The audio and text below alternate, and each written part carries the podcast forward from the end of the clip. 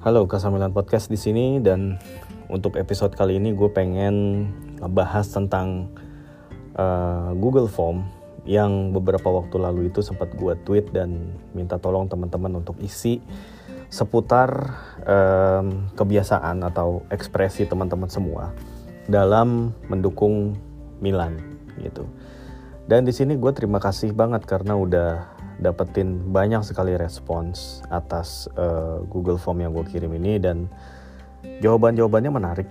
Ini nunjukin kalau teman-teman semua sekalian itu pada punya pengetahuan yang cukup dalam ya, ya dalam banget malah soal Milan gitu dan punya um, apa ya fanatisme yang besar ya punya ekspresi yang luar biasa apa ya yang ekspresif gitu.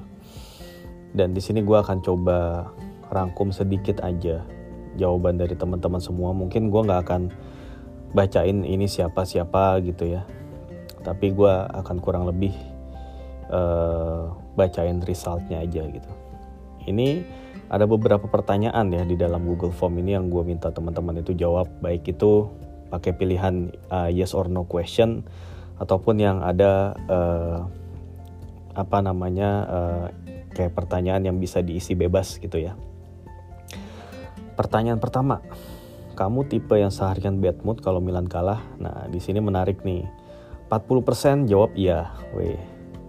Uh, 60% jawab enggak. Ini total respondennya ini sekitar ada 70 orang ya yang ngerespon form ini gitu.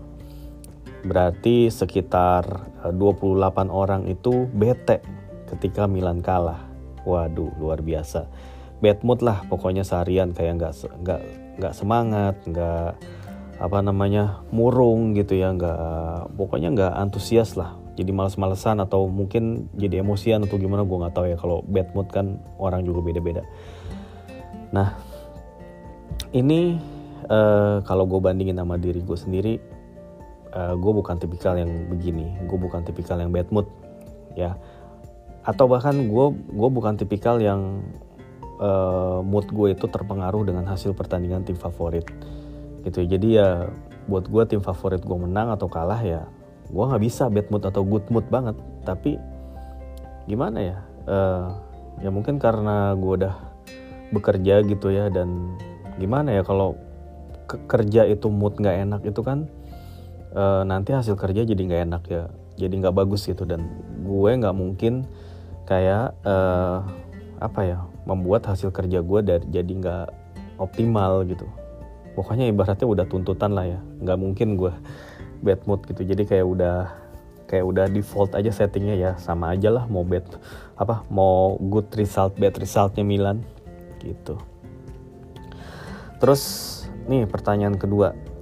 Ya pertanyaan kedua kalau Milan beli pemain dengan harga mahal itu adalah penting banget dia langsung perform 35% jawab iya, sementara sisanya um, uh, 65% jawab enggak.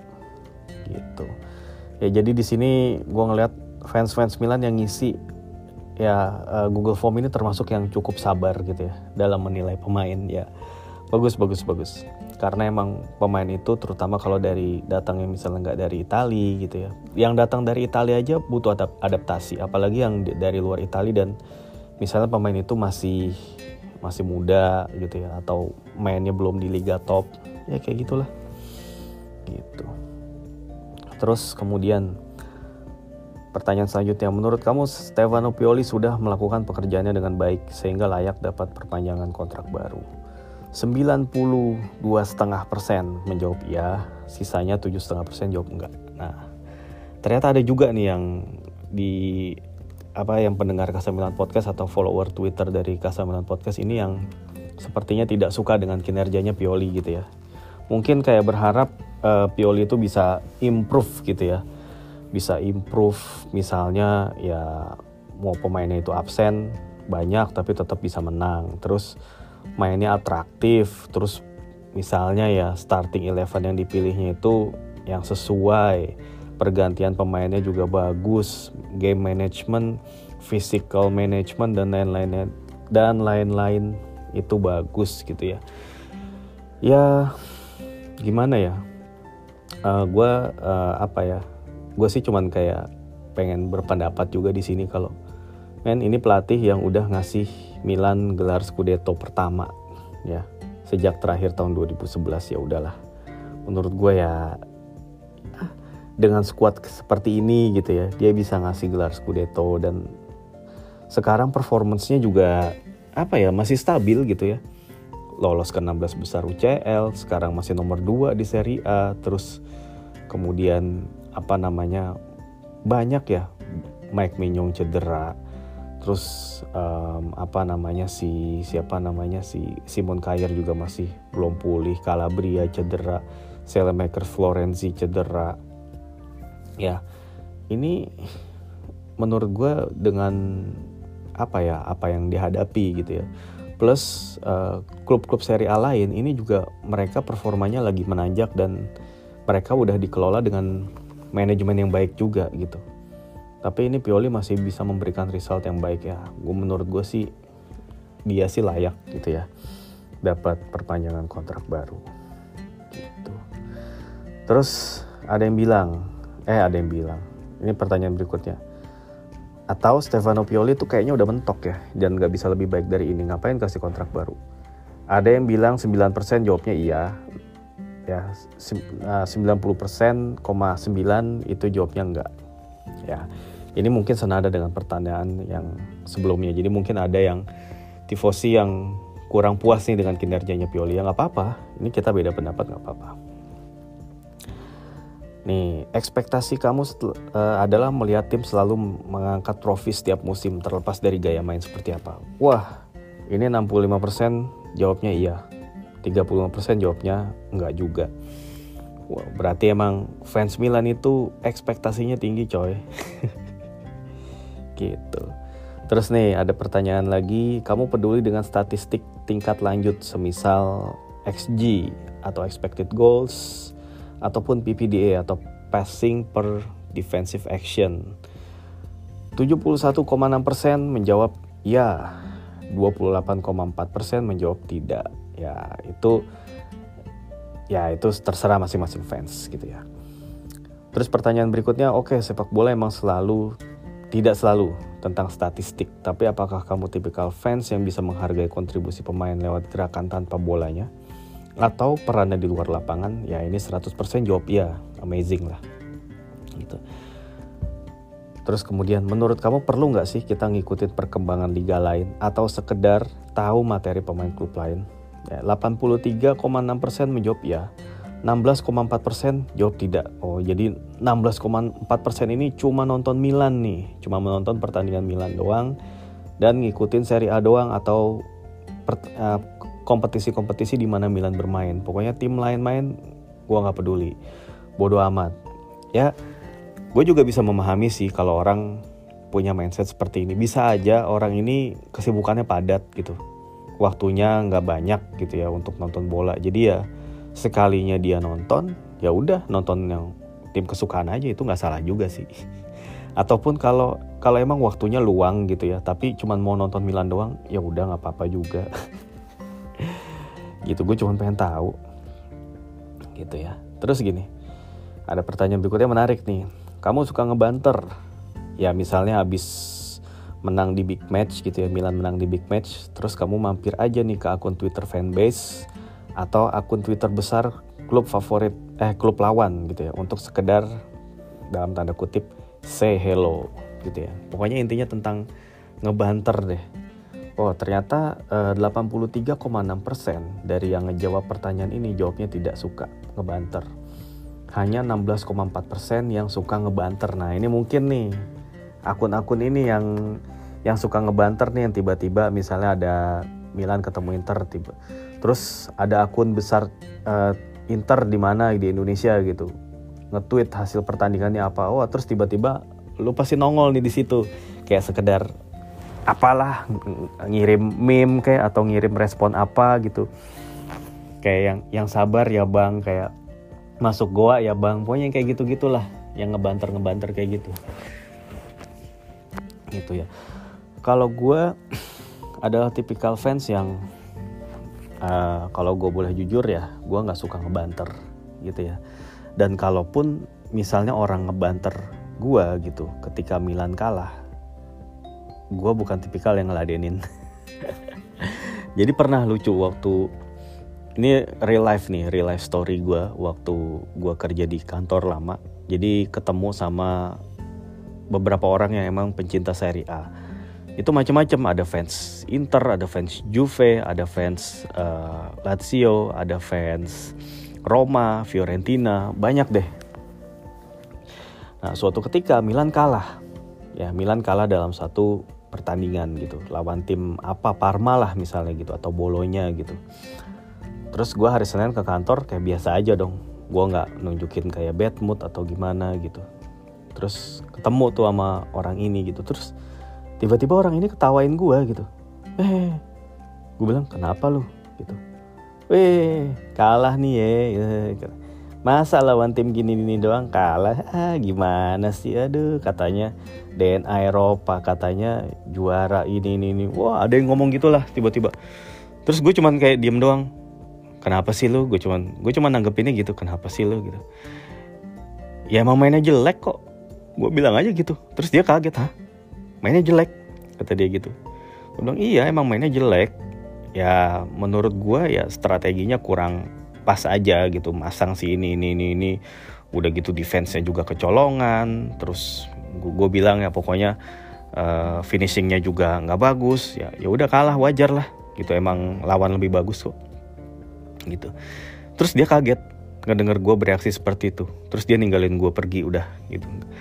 Terus tiba saatnya misalnya gue ketemu fans Inter terus Milan kalah derby. Wah itu ngecenginnya puas banget kayaknya. Kayak kayak pengen ngecengin gue banget dengan muka muka laparnya gitu. Kayak terus dari jauh aja gitu ya udah teriakin wow merda merda kalah merda kalah. Aduh gue bilang eh gue bilang aja merda merda gue bilang mak lu tuh telurnya habis di rumah lu beliin dulu ke warung. Gitu terus gue diemin aja gue nggak tanggepin gitu omongan dia. Tapi ya muka gue tetap lempeng nggak nggak bete gitu ya. Dia kan berharapnya gue bete ya. Dia berharapnya gue kesel gitu dia gituin. Terus malah dianya yang kesel balik gitu kayak yang ih ah dasar oh. Terus ada lah yang ngomong ah dasar melon melon. Ya. Apalagi yang kalau ngomong ngebanternya melon, iler, jupe, jupentut, yang kayak gitu gitulah. Aduh, yang bahasa-bahasa flashball gitu gue, gue udah nggak main lah pokoknya. Terserah kalau lu masih menggunakan istilah-istilah itu, gue juga nggak bisa ngelarang ya, terserah lu juga. Tapi gue udah nggak main dengan istilah-istilah kayak gitu. Mungkin terakhir kali gue banter-banteran pakai istilah kayak gitu, ya arsendal, ya kayak gitu-gitu munyuk. Gitu itu kayaknya zaman zaman zaman zaman kaskus baru keluar gitu tapi abis itu pun gue juga langsung sadar ih kok norak ya kayak gini sorry ya itu menurut gue norak gitu. Tapi kalau lo pada masih menggunakannya pun ya ya silahkan aja lah. Terus gini uh, ada pertanyaan berikutnya nih.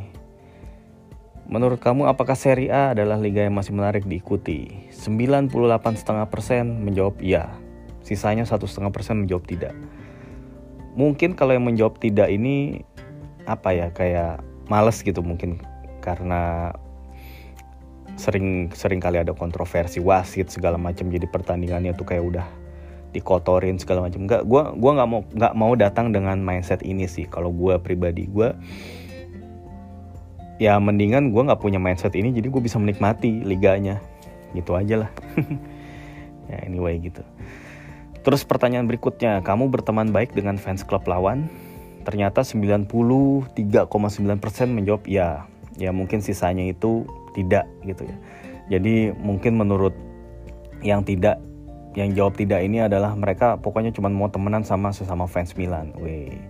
Terus kalau misalnya punya apa ya, punya pasangan atau misalnya nih cowok nih ngejar cewek atau cewek itu fans Juve mungkin gak jadi kali di di ini ya dideketin ya walaupun misalnya tuh ceweknya tuh menarik cakep segala macam tapi kalau tahu dia fans Juve atau fans Inter ah nggak jadi deh cie ya maksudnya ya terserah sih orang punya preferensi kayak gitu terserah gitu terus uh,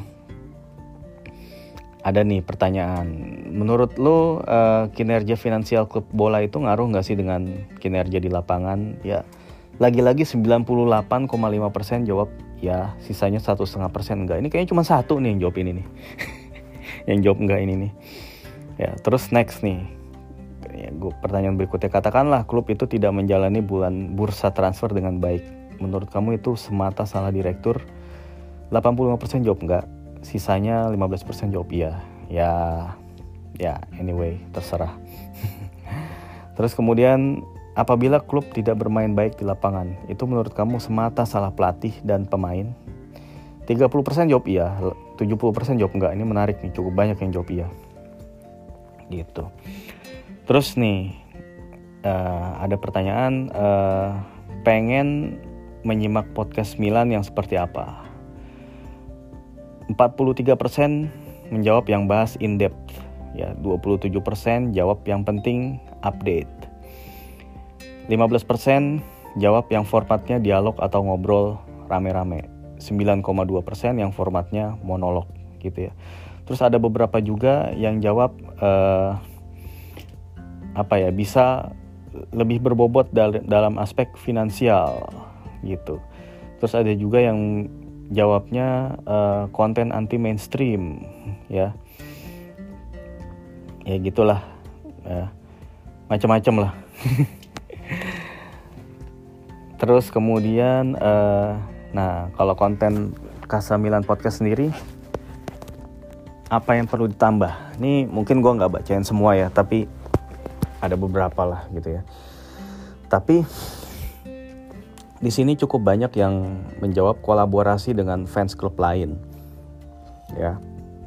Terus ada juga yang jawab kolaborasi terutama dengan podcast yang besar, Big Chain Podcast gitu. Karena rata-rata Big Chain Podcast itu bukan bahas Serie A ya dan uh, mereka nggak merhatiin Serie A tiba-tiba bilang Milan tim gerasa gerusuk ya kayak gitulah. Ada yang bilang begitu. Terus ada yang bilang pengen bahas sejarah secara detail atau pemain secara detail. Bahas pemain legend, tambahan in-depth, perkembangan pemain, pemain legend, pemain muda Milan. Gitu. Sudah mantep bang, tapi males dengerin kalau Milan lagi kalah. Biasalah. Sisi kehidupan pemain di luar lapangan, preview pertandingan, terus apalagi ini ya, review after match, before match, side story, ya yeah, seperti seperti yang sekarang sudah berjalan gitu. Di format sih gue nggak sempet lah. Lagi pula gue juga nggak akan sempet bikin sebanyak itu sih. Bikin space sekali-sekali menjelang pertandingan. Misalnya pertandingan menentukan Milan lawan Manchester City di final UCL itu kapan ya kira-kira terus ada juga uh, trivia sepak bola yang tidak melulu hasil di lapangan ya konsep-konsep stat, stat, statistik dibedah satu-satu pertahankan yang kayak sekarang gitu ya. Terus ada lagi nih uh, pemain yang bisa jadi rekomendasi Milan. Ya, review match Milan ketika Milan kalah. Ya gue mostly gue review kok. Cuman sesekali doang gue nggak review. Konten flashback misalnya bahas Calciopoli secara mendalam ah. Terus terang gue paling malas bahas Calciopoli ya udahlah gitu. Buat apa juga dibahas kalau menurut gue ya. Gitu. Soalnya misalnya gue pernah nih ketemu fans Juve kan Juve itu yang paling terhukum ya gue tuh kalau udah lagi ketemu sama fans Juve dan satu kata gue ngomong Calciopoli udah langsung panjang banget jadi lu mendingan kalau nanya Calciopoli ke fans Juve aja menurut gue dah mereka kayaknya lebih antusias cerita itu terus uh, apa namanya strategi apa lagi nih? Berdialog dengan Milanista lain atau public figure yang Milanista juga si kenal tuh gue public figure. Uh, kehidupan pemain di luar lapangan. Ya gue mana mana gue tahu. Atmosfer ruang ganti Milan ya. Gue mana gue mana gue tahu men. Gue nggak ada di situ kalau gue orang Milan gue bisa ngeliat di situ gitu. Gue suka ketemu temu mainnya ya mungkin gue tahu ya. Tapi ya emang gue belum belum sampai digging banget sih. Ya sekarang pemain tuh kayaknya lu bisa lihat ya kalau misalnya pengen tahu kehidupan pemain luar lapangan lu lihat aja postingan-postingan IG-nya gitu. Mereka tuh berpakaian kayak apa mereka tuh suka dengerin musik apa mereka tuh suka hangout ke mana sama siapa itu kan sebetulnya bisa menggambarkan kehidupan pemain di luar lapangan ya nggak? Gitu. Ada juga player of the week. Ya boleh juga sesekali. Profil pemain Primavera. Ya boleh sekali-sekali. Wah ini ada yang tulisannya lumayan panjang nih ya soal ini kayaknya baca buku lah Storia gue nih. Tentang kejelasan akuisisi Redbird mungkin bisa dibahas komposisi orang-orangnya di manajemen terbaru. Ya di buku La Storia juga ada itu. Ada itu manajemen uh, apa namanya orang-orang si Redbird yang akan incas di Milan. Itu ada kok. Ya itu kalau nggak salah namanya siapa gitu ya yang jadi uh, pokoknya yang jadi kepala divisi olahraganya itu ada kok. Ya. Ah siapa gitu namanya nama-nama Jewish gitulah nama-nama Yahudi gitulah Alex siapa lah gitu. Ada gue nyebut di situ salah satu. Tapi kalau untuk yang profile orang-orang lain ya sebenarnya banyak sih yang bisa lu lihat. Lu bisa lihat lu buka bisa buka di LinkedIn. LinkedIn di situ biasanya ada tuh profile-profile uh, manajemen Milan tuh. Casper Stilsvik itu ada di situ. Lu lihat aja di LinkedIn. Gue memang belum bisa bahas satu-satu nggak ada waktu ya gitulah terus uh, saat akuisisi sempat ada berita wah ini kayaknya kebanyakan nih bisa dibahas satu sesi sendiri tapi kayaknya gue lagi nggak ada waktu sorry ya gitu ya. Uh, sejauh ini saya sebagai pendengar setia sangat mengapresiasi apa yang udah dilakukan. Sangat jarang ad, uh, ada orang atau fans page yang mampu mem, yang mau membahas sepak bola dari sudut pandang lain dalam sebuah pertandingan khususnya untuk Milan. Ya, ya thank you lah. Gitu ya. Sebagai saran mungkin perlu ditambah konten tentang profil pemain, kinerja tim medis, perbedaan gaya permainan tim Primavera versus senior, ngobrol sesekali mengadakan sharing session. Gue sesekali ini kok ngadain space. Gitu. Terus uh, tentang kurva sud terus terang ya kalau tentang kurva ataupun tentang ultras itu adalah sesuatu yang bukannya kurang gue kuasai sih kayak belum gue digging gitu belum gue riset. Karena apa ya uh, untuk bisa mendapatkan gambaran yang pas gitu tentang kehidupan ultras di sana ya lo mesti ada di sana sih. Soalnya literatur kalau soal literatur literatur gue belum banyak ketemu. Dan kalaupun ada setahu gue tuh berbahasa Itali dan nggak bisa ditranslate gitu. Di situlah kesulitan gue sih. Tapi kalau dulu kan awalnya Milan itu kan lebih ke klub kiri ya bedanya sama Inter kan Inter klub yang lebih ke kanan lebih borjuis Milan itu klub kiri atau klub kelas pekerja. Awalnya dulu kayak gitu. Tapi kes, makin ke sini kayaknya ideologi-ideologi segregasi berdasarkan ideologi itu udah makin makin luruh ya, makin tidak tidak kentara gitu. Karena udah semakin global lah klub ini. Uh, taktik set piece Pioli ketika menghadapi corner free kick lawannya itu nggak tau lah kalau gue sempet lah gue bahas. Terus ada lagi, apakah ada saran khusus buat Kasamilan Podcast? gitu um, apa nih ya uh, kalau emang alasannya jadwal yang padat gitu mungkin bisa coba dikomunikasikan dan dijadwalkan untuk agenda kolaborasi ya gue sebenarnya pernah kolaborasi kan gue pernah kolaborasi sama sama Romzi sama Cuplis tuh dua teman gue Milanisti. Pernah sama ruang taktik. Ya dulu waktu masih belum sengetop sekarang nih gue nggak tahu kalau udah mereka mas ruang taktik ini udah udah segitu ngetopnya sekarang ya. Gue nggak tahu mereka dia masih mau apa enggak terus pernah gue sama sama Mbah Budi. Ya the, the Dengkot fans Inter itu. Sama Kak Ria itu ya fans Juve. Bukannya nggak pernah sama sekali gue sebenarnya gue pernah juga sama Bang Devin ya. Dulu dia punya tifosi podcast tuh ya. Terus siapa lagi ya? Ya udah kayaknya itu doang. Emang gue nggak ada lebih ke nggak ada waktu sih dan ketika gue juga harus ngatur jadwal sama mereka ini yang gue mau ajak ngobrol itu kan juga butuh butuh waktu ya. Ya seperti halnya gue juga pernah sebenarnya dia diajak kolaborasi sama, pod, sama podcast lain gitu. Pernah gue nongol gitu ya biasanya kalau cuman audio gue nggak keberatan untuk nongol. Tapi kalau video gue rada-rada enggan memang. Gue rada-rada enggan muncul di video gitu. Gue gue kurang suka tampil di depan kamera. Jujur gitu. Kalaupun misalnya gue tiba-tiba tampil gitu ya bareng teman-teman ngalcio ya karena emang ini karena mereka ngalcio dan mereka teman-teman gue aja gitu. Kalau bukan teman-teman akrab dan teman-teman baik gue gue rada-rada suka nggak mau lah gitu pengennya ada artwork dan audio yang proper. Ya ya emang bener sih gue gue akuin ini emang masih kurang di sini tapi aduh gimana ya? Ya lihat-lihat lah. Terus ada yang bilang sudah punya warna sendiri. Ya thank you. Ada lagi nih uh, apalagi ya? Lebih sering interaksi sama follower misalnya diskusi di kolom reply ya. Gue di twitter emang sih males gue bener. Males banget gue interaksi di twitter. Gue di gue tuh kalau buka twitter lebih banyak baca berita sih lebih banyak baca. Atau mungkin kalau misalnya ada di timeline ada yang menarik baru gue liatin gitu kayak apa ya misalnya tren-tren apalah gitu ya pop culture pop culture yang gitu-gitu. Ya cuma sesekali doang sih jarang gue sebetulnya gitu udah bagus menurut saya buat YouTube juga banyak yang nonton mas. Kalau ada merchandise juga mau beli. Wih gila keren keren. Tapi buat jadi youtuber tuh berat loh. Dan pertama ya itu gue nggak gitu suka tampil depan kamera. Proses produksinya itu lebih lebih panjang.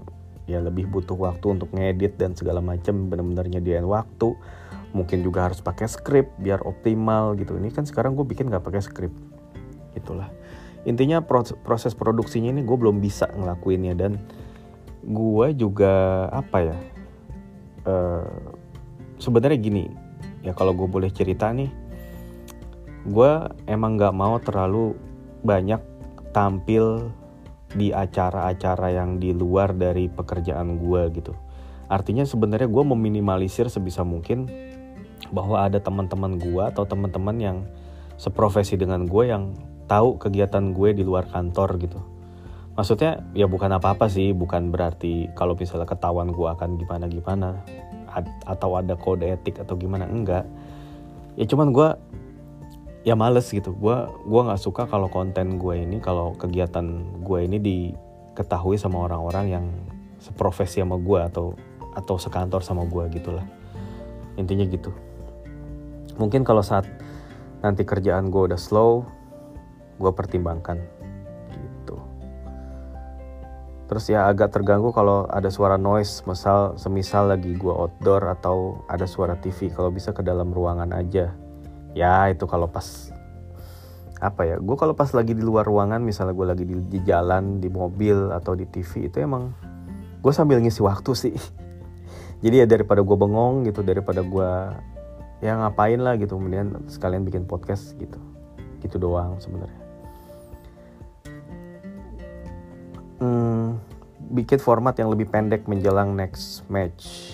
Ya misalnya untuk bahas pemain yang available atau unavailable oh ya ditampung urus usulannya. Tapi gue nggak tahu ya perlu apa nggak bikin itu ya.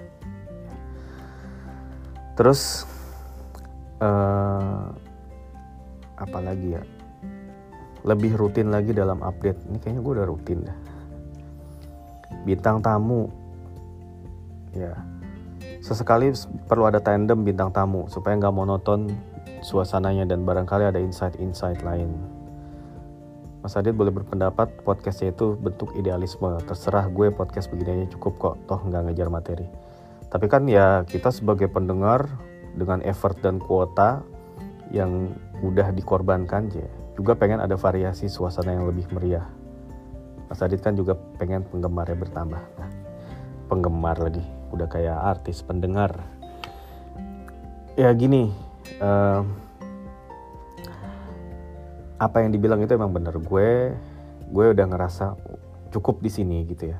Cukup di sini. Ini sebenarnya bukan idealisme. Ini mungkin gue pernah ya dulu ngomong idealisme tapi sebenarnya ini lebih ke mengisi waktu luang aja hobi.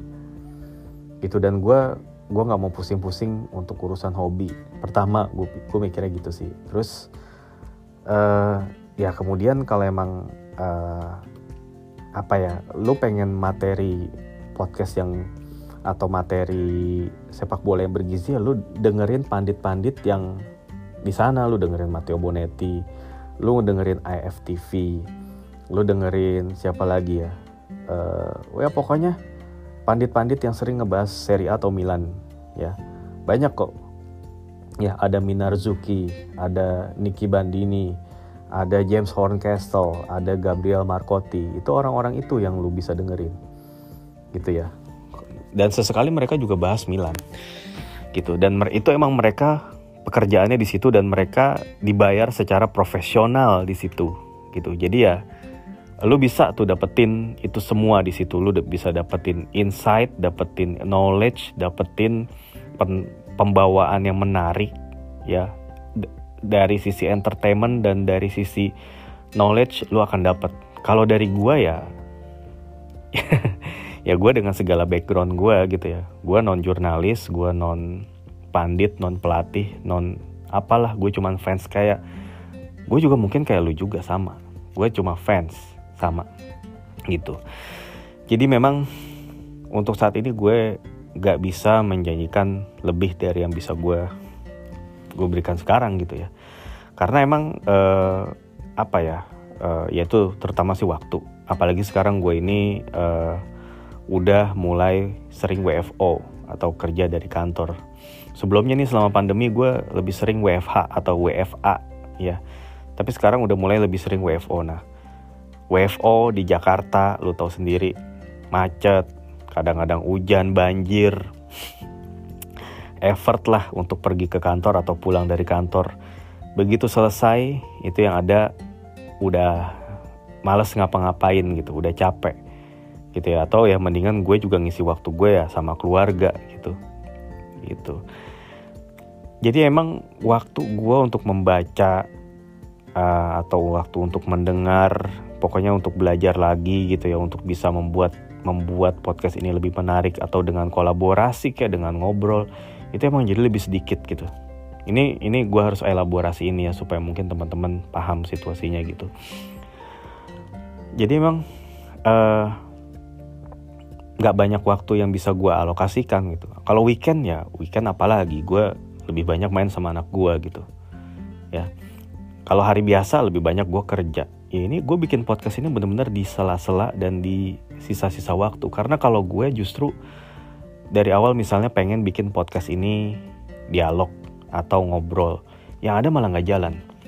Gue perhatiin banyak kok temen-temen bukan cuma podcast yang Milan doang ya. Podcast yang ngebahas klub lain atau hal lain yang formatnya itu berdua, bertiga dan lain-lain itu banyak yang udah bikin bagus-bagus gitu ya. Berapa episode tiba-tiba hilang. Ya mungkin ya gue duga ya apa podcastnya itu hilang karena ya satu udah tiba-tiba eh sorry gue nggak bisa nih hari ini gitu.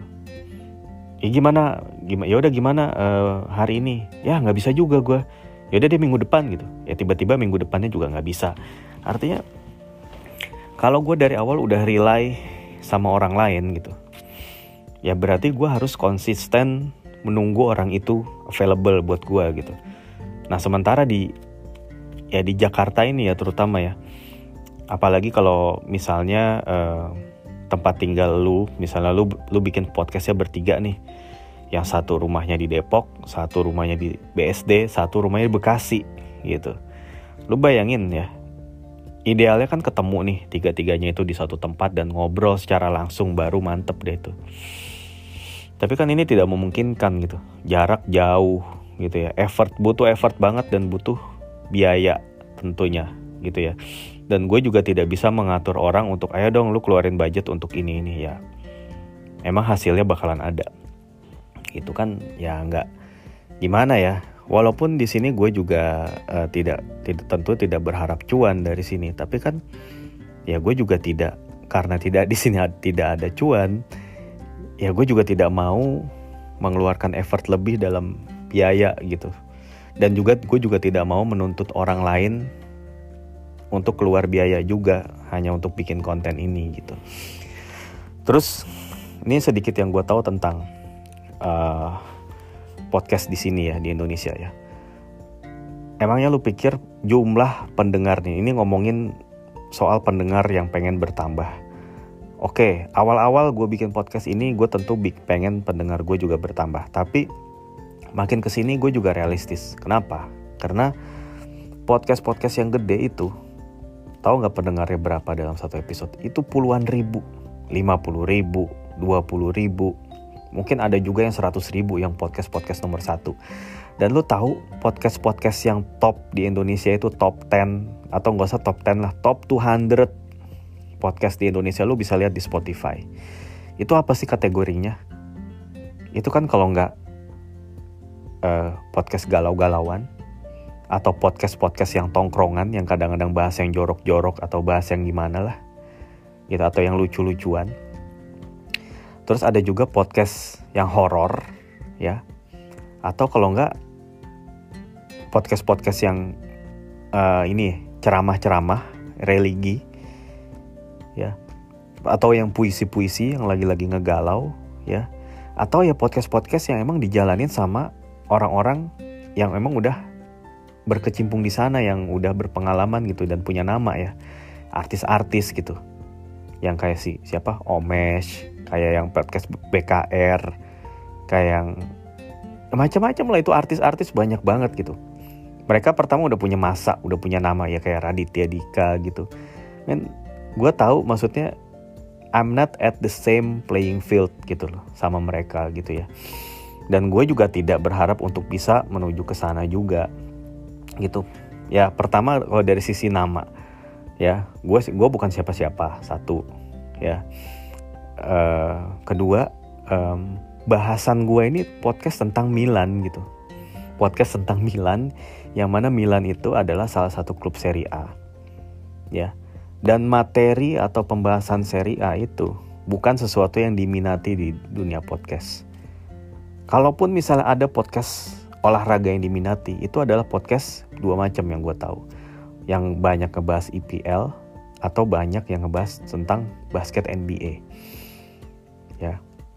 Dalam kategori olahraga podcast kategori olahraga pun itu masih kalah dibandingin sama yang tema-tema tadi tuh tema tema komedi tema horor tema tongkrongan atau artis ataupun ceramah itu olahraga tuh baru di nomor sekian gitu. Dan di dalam sub olahraga itu pun ada sub IPL ada sub NBA gitu.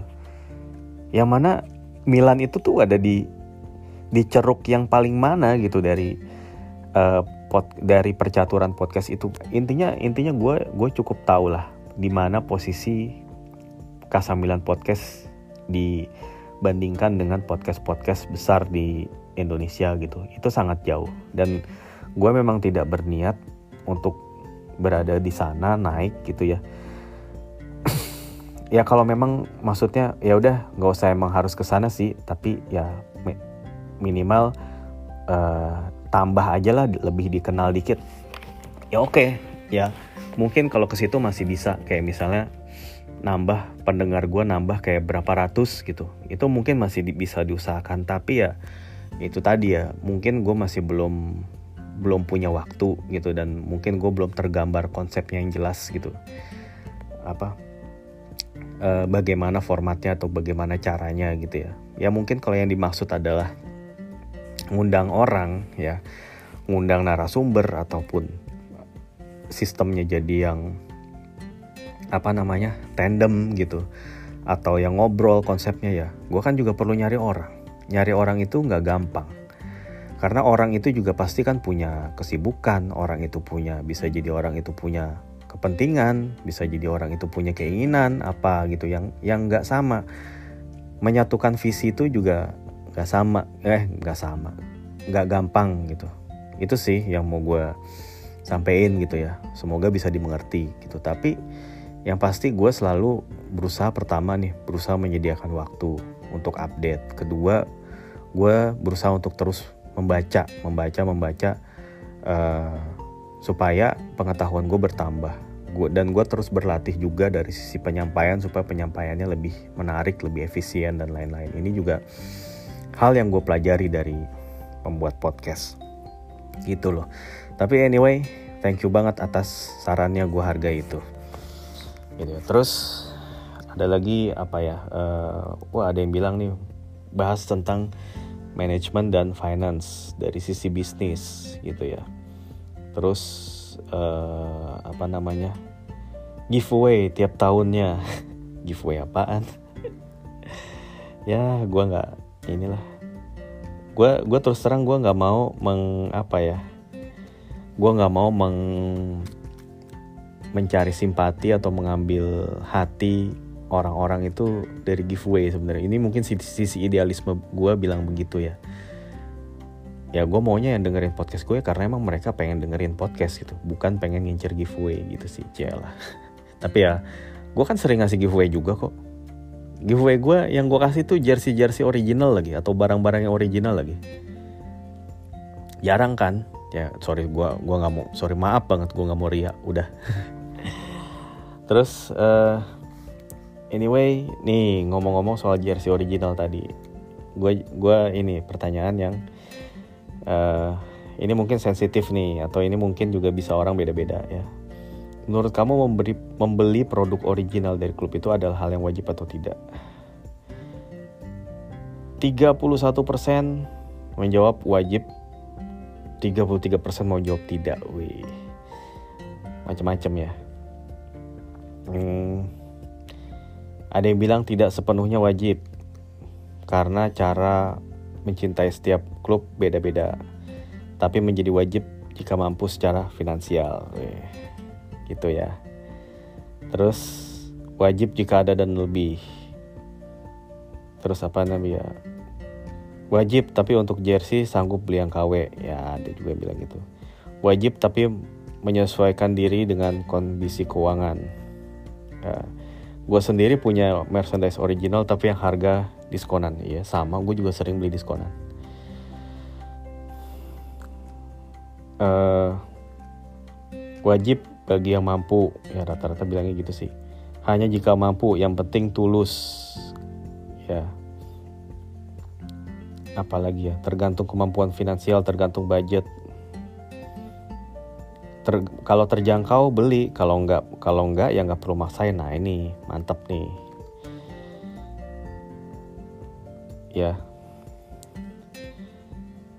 Sebagai fans membeli tidak wajib tergantung budget. Tapi kalau jika punya uh, jika ingin punya ya maka harus yang original. Ya iya bener.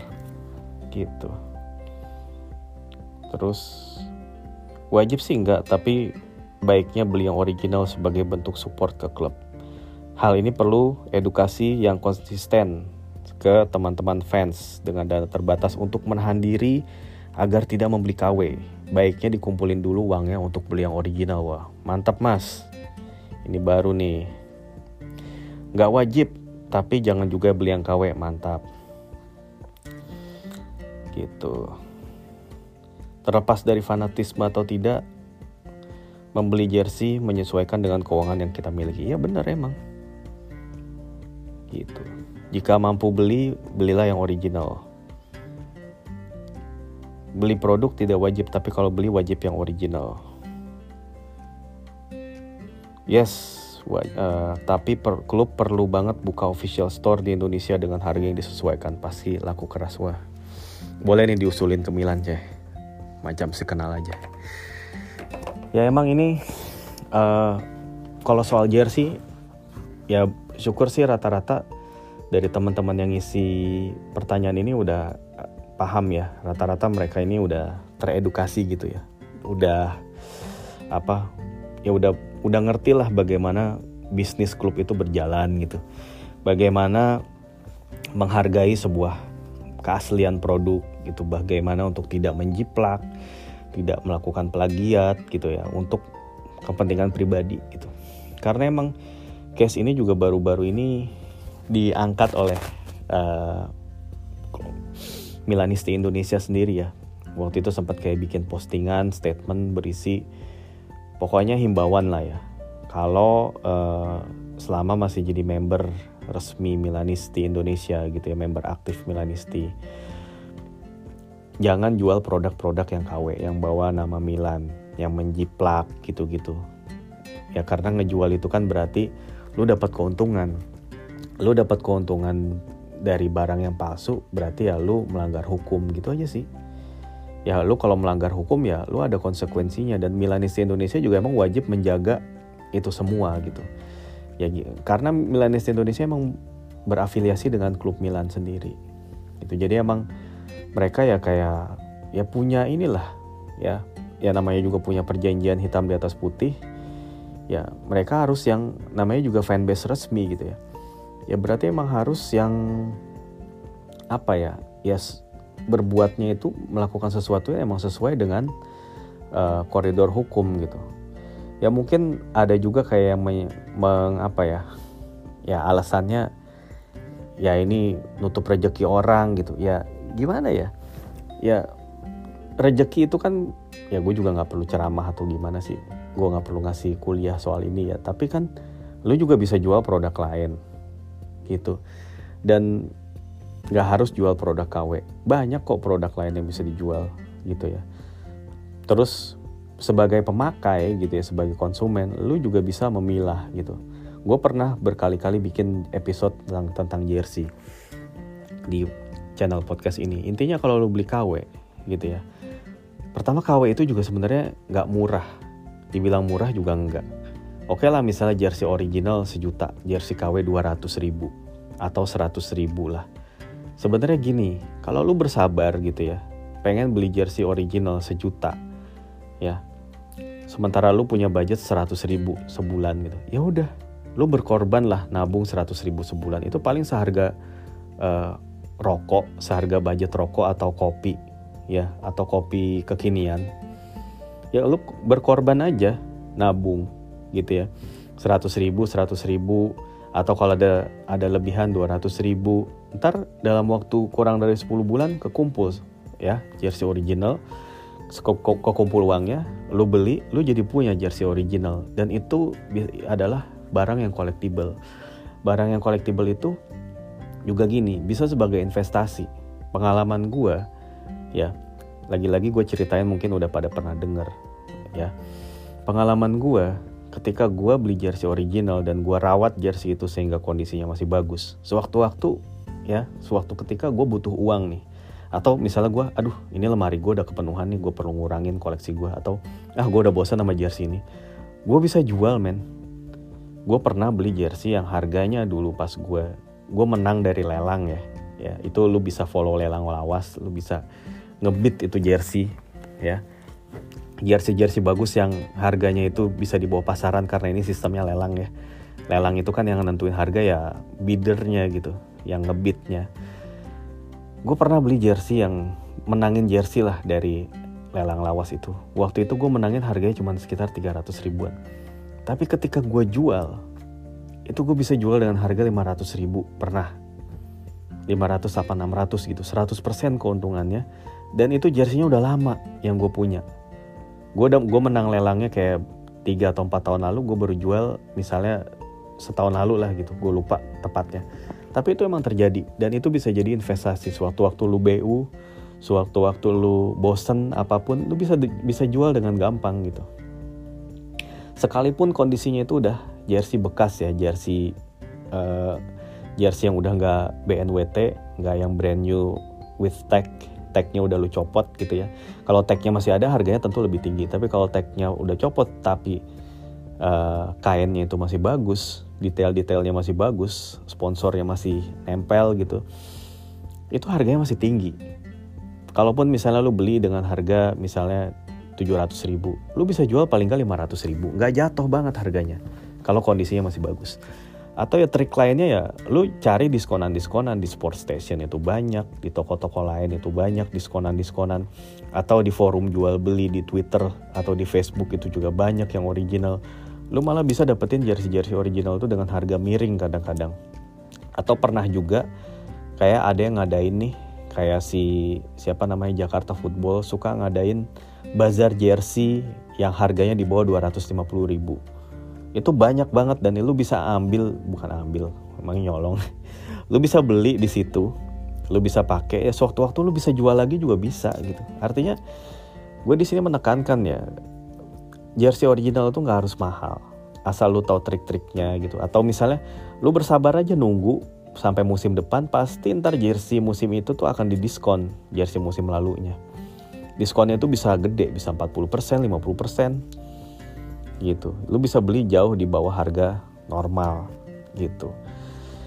Ya artinya gini lah banyak cara gitu. Nggak apa ya gue kalau misalnya bilang alasannya itu karena finansial gitu. Pertama ya nggak ya tadi yang teman-teman bilang bener. Tidak ada kewajiban lu punya jersey original. Tidak perlu uh, menunjukkan ya fanatisme lu dengan lu pakai jersey atau pakai merchandise original. Itu nggak ada yang nggak nggak perlu kayak gitu. Lu lihat ultras ultras yang datang ke San Siro mereka paling pada pakai kaos. Ya mereka juga mungkin beli jersey juga jersey bukan kebutuhan apa ya bukan kebutuhan dasar eh bukan ya bukan prioritas lah bukan prioritas mereka juga gitu. Mereka punya kebutuhan lain yang harus dipenuhi.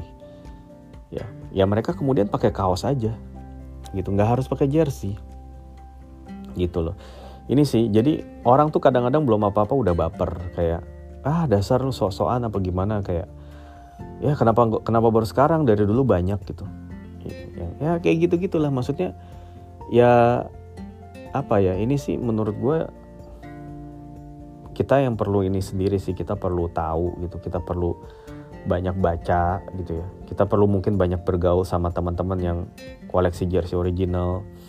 Pasti tahu gimana rasanya gitu ngumpulin, gimana rasanya ketika dapetin barang itu, excitementnya gitu ya. Terus satis satisfactionnya ketika dapet gitu. Itu tuh wah banget nggak nggak terbayangkan itu.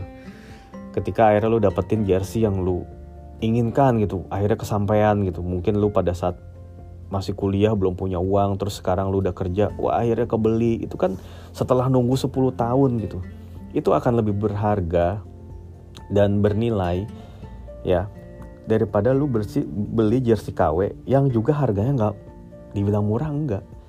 Jersey KW itu harganya di atas cepet atau 200 bahkan katanya yang rare yang katanya KW tapi rare itu 200an ya atau kalau yang jersey KW yang kualitasnya semakin rendah harganya di bawah cepet tapi ya buat apa? Itu kualitasnya rendah.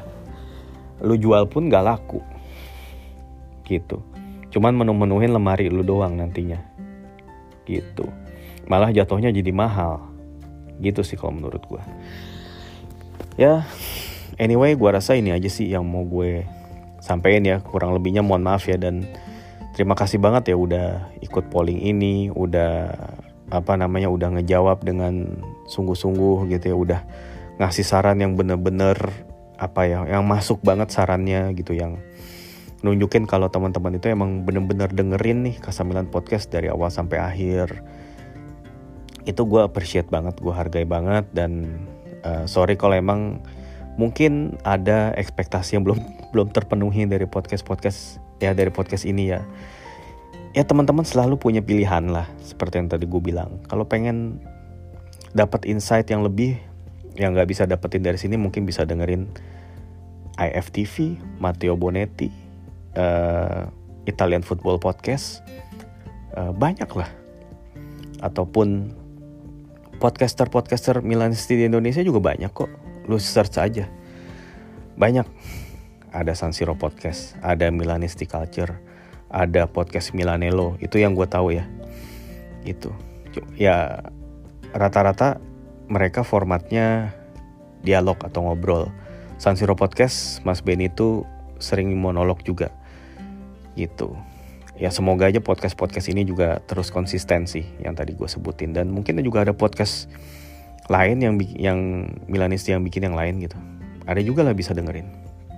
Terus sama yang tadi ngomongin soal fanatis fanatisme dengan klub ya mungkin sorry kalau gue bisa jadi agak agak-agak lain gitu ya. Gue gue orangnya bukan tipikal yang nunjukin banget ekspresi gue gitu gue nggak pernah atau jarang banget gitu ya pakai atribut atau pakai kaos jaket apa-apa gitu yang nunjukin Milan gitu. Gue lebih menunjukkan diri gue sehari-hari itu sebagai uh, style gue itu ya netral gitu. Gue nggak terlihat uh, sebagai fans Milan gitu. Ya gue juga lebih apalagi sehari-hari gue ke kantor gue lebih memperlihatkan uh, ciri khas gue itu yang ya sebagai pekerja kantor yang profesional aja gitu. Yang handphonenya ya gue nggak pakai lah. Background wallpaper Milan gitu ya. Terus gue nggak pakai kalaupun gue pakai jaket ya gue nggak pakai jaket Milan ya jaket kak yang sesuai sama orang kantoran gitu. Terus gue punya kendaraan gue nggak tempelin stiker Milan. Bahkan gue nggak tempelin stiker apa pun karena mengganggu menurut gue gitu terus gue juga bukan tipikal. Pokoknya gue bukan tipikal yang nunjukin lah kalau gue tuh ngefans Milan. Seperti yang tadi gue bilang gue juga nggak yang langsung moodnya berubah ketika Milan kalah. Gue juga nggak masalah ketika Milan dibanter dan gue nggak ngebales gitu ya. Terus gue juga nggak nggak hafal dengan chance. Gue nggak pernah ikut nobar. Jarang bukan nggak pernah pernah sih gue ikut nobar tapi jarang banget. Ya. Jadi mungkin kalau mungkin ada lah kayak orang yang alah lu belum namanya bukan fans sejati lu kalau lu nggak pernah nobar gitu ya. Atau lu dari kapan sih uh, nonton Milan? Lu tahu nggak Alberio Guevani? Lu tahu nggak um, Ray Wilkins? Ya lu tahu nggak Karl Heinz Leninger gitu? Gue itu suka sama Milan dari tahun 80-an lu kalau baru nonton Milan dari tahun 2007 aja udah lu nggak usah banyak ngomong lu ya. Gue nggak seperti itu nggak nggak tipikal seperti itu. Gue apa ya buat gue sih sama seperti halnya dengar musik. Lo mau lahir tahun berapapun lo mau suka Milan dari kapan pun lo tetap bisa kok tahu sejarah-sejarah tahu pemain-pemain lawas. Sekarang teknologi canggih udah banyak bisa diakses. Seperti halnya kalau kita penggemar musik kita Gen Z nih kita generasi Z itu bukan halangan bahwa kita itu mendengarkan musik-musik dari generasi X yang musik lagu-lagu tahun 90-an, 80-an atau bahkan lagu-lagu yang lebih tua gitu. Jadi sekarang udah nggak zaman nggak ya, nggak yang identik. Orang tua dengerinnya lagu tua, orang-orang zaman sekarang dengerinnya lagu lagu-lagu kekinian enggak. Sekarang orang bebas punya selera masing-masing dan termasuk juga Milan. Lo mau mulai nonton Milan dari 2008 dari 2018, dari 98, dari 83 itu sama aja. Gitu.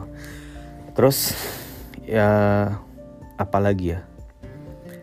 Ya gitulah, mungkin ya mungkin juga karena pengaruh umur juga ya. Gue udah udah yang males gitu ngeladen-ladenin yang ngebanter, ngeladen-ladenin yang ngeceng-ngecengin gitu ya atau ngeladenin bahkan yang sesama Milanisti yang beda pendapat gitu yang apalah yang keras gitu ngomongnya segala macam gue nggak sih gue udah gue udah di tahap yang ah bodo amat gue nonton bola cuman buat ngisi waktu gue nonton.